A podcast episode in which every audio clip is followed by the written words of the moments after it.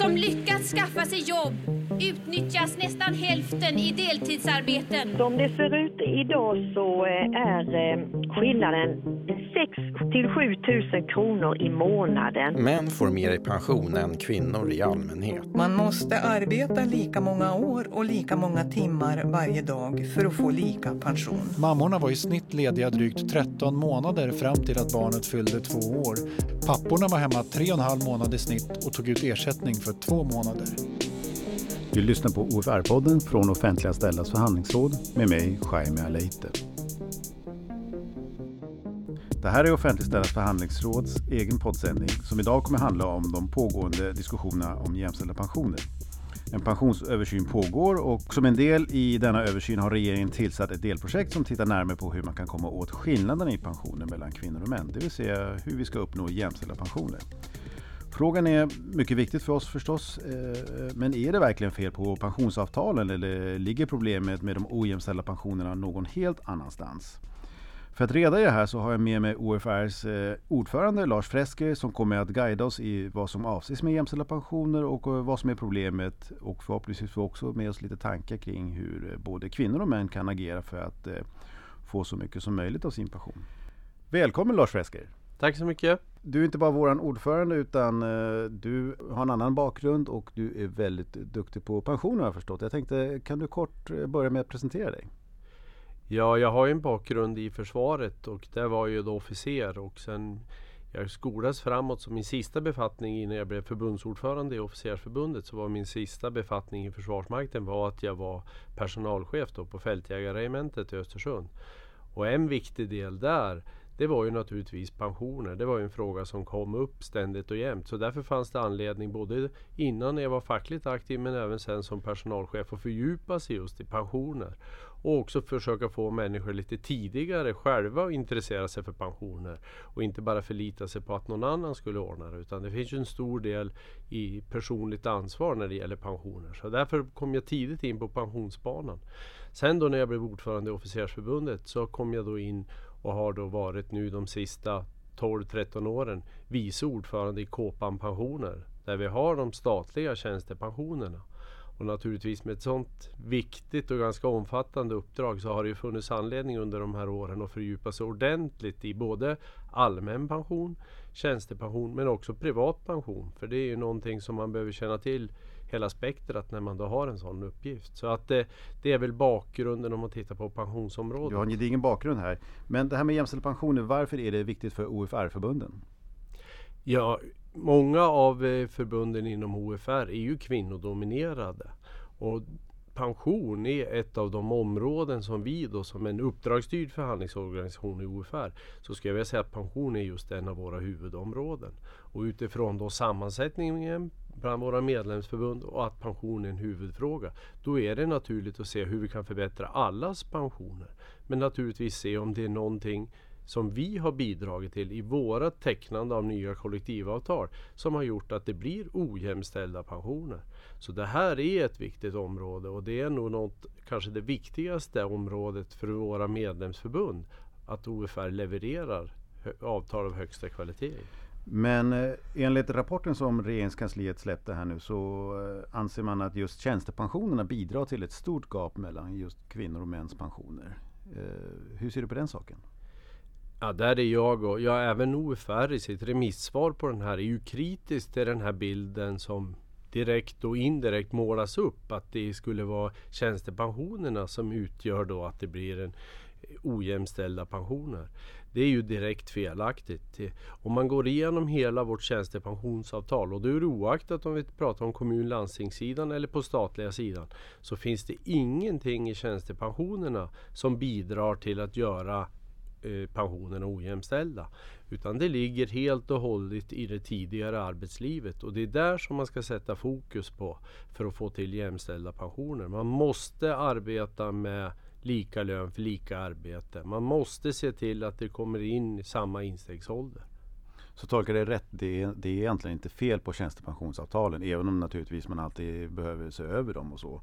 Utan det, det handlar om eh, andra faktorer som kvinnors lägre löner och andra omständigheter som gör att eh, kvinnor har sämre möjligheter på arbetsmarknaden. Nej, inte, det är inget fel ur jämställdhetsperspektivet. Sen skulle vi ju då kunna ta ett aktivt beslut. Man kan ju tänka sig att vi då fördelar olika mellan kvinnor och män för att kompensera hela arbetslivet. Men det har vi gjort ett principiellt ställningstagande inom OFR att det är fel väg att gå. Utan rätta vägen är att gå, det är att jobba med villkoren och lönen under anställningen. Och då kommer också pensionen att lösa sig. Du lyssnar på OFR-podden som sänds av Offentliga ställdas förhandlingsråd. Men vad är då själva problemet med pensionssystemet som leder till att det blir ojämställt? Ja, egentligen så är det eh, en fel fråga för det är inte pensionsavtalen som är eh, problemet i det hela. Utan problemet det ligger ju långt tidigare. Pension, det är ju uppskjuten lön. Och eftersom det finns en skillnad i både lönenivåer mellan kvinnor och män, hur tidigt man kommer in på arbetsmarknaden mellan kvinnor och män och så vidare. Så är det ju där som problemet ligger varför pensionerna också blir olika eftersom det är uppskjuten lön vi pratar om. Hade vi haft ett mer jämställt samhälle med, där det var ett jämnare uttag av föräldrapenning, där man hade haft lika lön för lika, likvärdigt arbete, ja då hade vi också haft ett pensionssystem som hade levererat lika pension för kvinnor och män utifrån de förutsättningar som de har haft. Mycket handlar ju om också lönenivåerna här.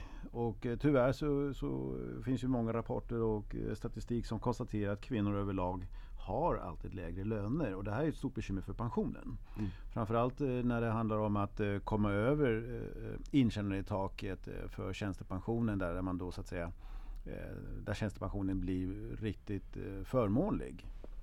Ja, och grunden är, vi sa ju förut att pension är uppskjuten lön. Så det är ju den grundläggande faktorn.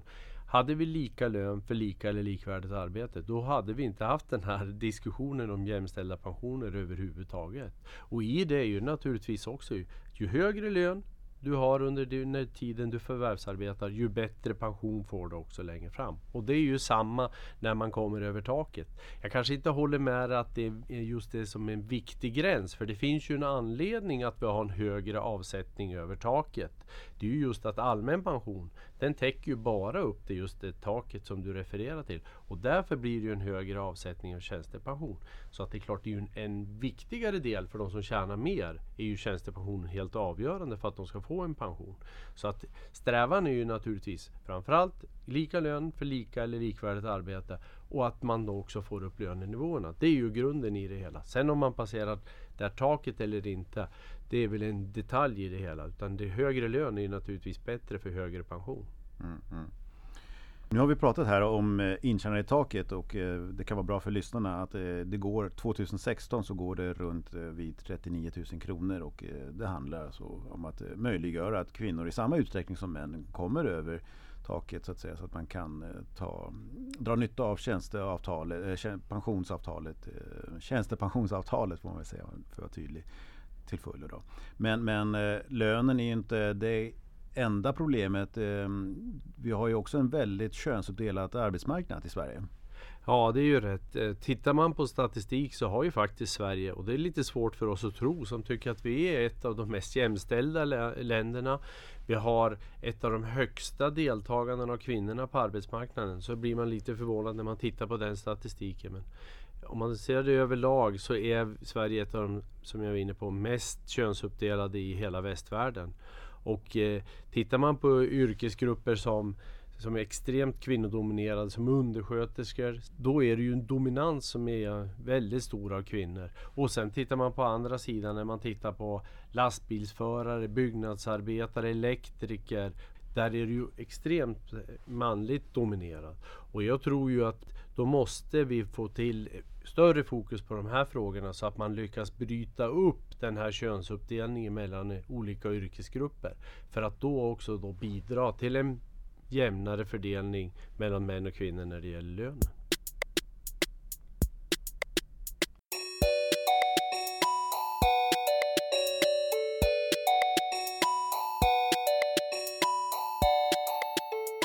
Men du var inne här nu på några förslag på åtgärder för att eh, man skulle kunna komma åt de ojämställda pensionerna. Vad mer kan man, eh, bör man tänka på som, som kvinna då för att eh, se till att man får en riktigt bra pension? Ja, det finns ju många olika spektra och egentligen för de som lyssnar så tycker jag att man ska söka upp en bok som Annika Kreutzer har skrivit om det här. Hur kvinnor kan förbättra sin pension. Där finns det en rad konkreta exempel och förslag på som man kan ta till sig som jag tycker är läsvärt. Och den har ju då eh, getts ut av Annika Kreutzer i samarbete med KPA Pension. Så den finns ju tillgänglig att skaffa sig. Men några som jag kan lyfta fram i det här sammanhanget då, det är ju till exempel att kvinnor har en högre instegsålder på arbetsmarknaden och man har en lägre utstegsålder från arbetsmarknaden. Det vill säga att man arbetar en kortare tid. Och det är ju för att kvinnor tar ett större ansvar för barn i början på sitt arbetsliv än vad män gör. Och i slutet av arbetslivet så ser vi, det finns flera anledningar till att man, kvinnor går, lämnar arbetsmarknaden tidigare. Men ett är att man tar ett större ansvar för sina föräldrar eller sina barnbarn. Som det är ofta det kommer upp och märks som ett. Det här innebär ju också att eh, vi från eh, fackliga parten har, har ett stort ansvar att fortsätta jobba med att se till att kvinnor ges samma möjligheter som män i, i, i verkliga livet så att säga. Absolut, och att det ges förutsättningar också för kvinnor att orka arbeta fram till den riktålder som finns för pension nu. Det är ju också en anledning som eh, inte vi har varit inne på. Det finns ju många här, nu blir det att man skummar lite grann på ytan, men till exempel en är ju en viktig för allt fackligt arbete. Det är ju att se till att man har en arbetsmiljö som gör att man kan då arbeta hela livet ut. Det är en vanlig anledning idag till att man arbetar deltid i slutet av arbetslivet. Det är ju för att man helt enkelt inte orkar med i det tempo som då förväntas. Och där gäller det för oss att se till att det finns möjligheter att då fortsätta längre upp i åldrarna. Och det här var en viktig del för oss från OFR i ett arbete som har nu initierats av pensionsgruppen och regeringen där Göran Hägglund och Göran Jonsson fick ett uppdrag att titta lite grann på vad behövs göras totalt sett för att man ska kunna få ett längre arbetsliv. Och det var några av de frågor som vi lyfte fram där i det som de då sen redovisade till pensionsgruppen. Mm, mm. Kvinnor har ju överlag en, en, väldigt, väldigt tuff arbetsmiljö. Det vet ju vi som har väldigt mycket medlemmar i offentliga sektorn och sådär. Om man förväntar sig att kvinnor ska jobba längre så måste man definitivt göra någonting åt arbetsmiljöfrågorna. Men, men hur ser du på det här med ett längre arbetsliv? Ja, det gäller ju att attackera den frågeställningen från rätt håll och det tycker jag att grundtanken i det här uppdraget som Göran och Göran, jag nämnde tidigare, fick här. Det var ju då hur ska vi kunna få till ett längre arbetsliv? Det fanns ju dels en pensionsåldersutredning som har legat sedan tidigare och i den pensionsåldersutredningen då finns det ju förslag om att höja LAS-åldern, höja riktåldrar, ja ett antal sådana här som gör att man ska kunna arbeta längre. Vad, vad innebär eh, riktålder? Ja men det är vilken riktålder man har för ordinarie uttag av pension. Den som man säger som pensionsålder. Det finns ett antal åldrar där som styr ett antal faktorer runt omkring också i de kringliggande systemen. Och då var det ju då när det här nu, om det nu ska sjösättas av politiken, de här ändringarna av åldrarna olika åldrar. Då måste ju allt runt omkring hänga med. Och en viktig fråga är ju just arbetsmiljön. Det spelar ju ingen roll om vi höjer åldern för pension med två år om inte de som är ute i arbetslivet då, och då framförallt kvinnorna som ju är en grupp som har lägre utstegsålder från arbetsmarknaden. Om inte de kan arbeta längre. Då spelar det ingen roll hur vi ändrar LAS-åldrar, riktåldrar med mera. Och det är ju det grunden i det hela. Så att arbetsmiljö var en viktig. Livslångt lärande var en annan. Och det här gäller ju både för kvinnor och män. Men man kan nog se också att i många, i alla fall av de grupper där vi har inom offentliga, så är det ju kvinnor nu, vi har pratat tidigare om hälsoväxling och den ökade ohälsan. Så är det ju kvinnor bland våra medlemsgrupper som drabbas hårdare och eh, då, och då är det ju yngre åldrar, men ändå så att de blir borta från arbetsmarknaden. Och det är det här som vi måste ta ett samlat grepp om, om det ska kunna bli en realitet av att vi ska arbeta längre.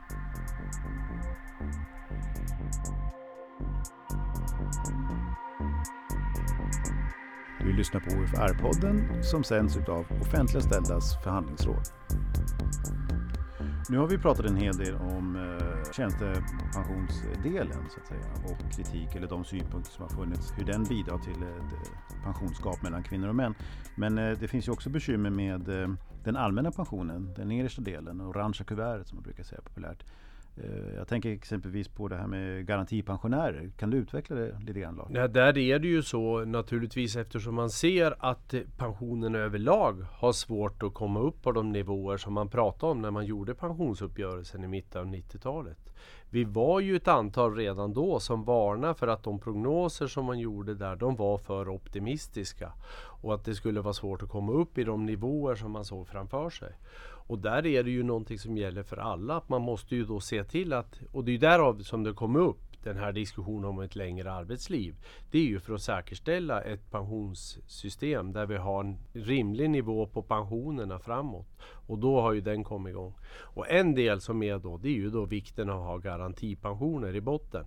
För de som har tjänat allra minst, som av olika anledningar inte har kunnat komma ut och fått till en bra livsinkomst. Då finns ju garantipensioner. Avslutningsvis, kan du skicka med några förslag på åtgärder oavsett om det gäller kvinnor eller män på vad man ska tänka på för att ska få en så bra pension som möjligt i framtiden? Ja, det grundläggande som vi inte alls har varit inne på det är ju att se till att när man kommer ut på en arbetsplats att man kommer till en arbetsplats som har kollektivavtal. För tjänstepensionens del, det vill säga den kollektivavtalade pensionen, den är ju helt avgörande för att man ska få en bra pension. Att tro att man bara på ren allmän pension ska kunna prata om en bra pension. Det är ju inte fallet, även om man har jobbat länge. Så att det, det är ju grundläggande. Se till att få jobb på en arbetsplats som har ett kollektivavtal så att man får en tjänstepension som komplement. Men om man nu har valt en sån arbetsplats och tittar framåt, ja men då är det de här klassiska sakerna som vi har varit inne på. Se till att man har ett jämställt familjeliv. Se till att man försöker komma ut så tidigt som möjligt på arbetsmarknaden så att man får ett så långt arbetsliv som möjligt. För det är ju livsinkomstprincipen som gäller. Och då är det ju i slutet naturligtvis också att man då ser till att man inte trappar ner i förväg. Utan att man då försöker, om man nu har förutsättningarna som vi var inne på, att arbeta så länge som möjligt i slutet av arbetslivet också. Det är ju en viktig del. Då. Och sen är ju det grundläggande eftersom vi pratar om uppskjuten lön se till att jobba så att man får upp lönen så mycket som möjligt. Varje krona som man kan där eh, få under sitt yrkesverksamma liv, det får man ju igen där i slutet sen när man sen ska ta ut sin pension. Det är otroligt spännande det där med, med pension eh, när man väl, liksom väl borrar sig in i det hela och framförallt när man har en sån eh, kunnig och erfaren person som dig Lars i det här. Tack så mycket. Det har varit jättelärorikt och intressant att höra dig prata kring hur du ser på pensioner och jämställda pensioner och OFRs arbete i det här. Jag hoppas att eh, vi ska kunna återkomma till dig i framtiden kring ett annat tema. Ja, stort tack. Ja, och det är både pensioner men det finns många andra saker som man behöver fördjupa sig i så att det finns nog möjlighet att återkomma. Tack, tack. Tack. I och med det här så är denna poddsändning slut. Musiken är hämtad ur Free Music Archive. Jag som har gjort programmet heter Jaime Leite och arbetar som utredare på OFR. Glöm inte att följa OFR-podden från Offentligställas förhandlingsråd. Ha det bra, hej!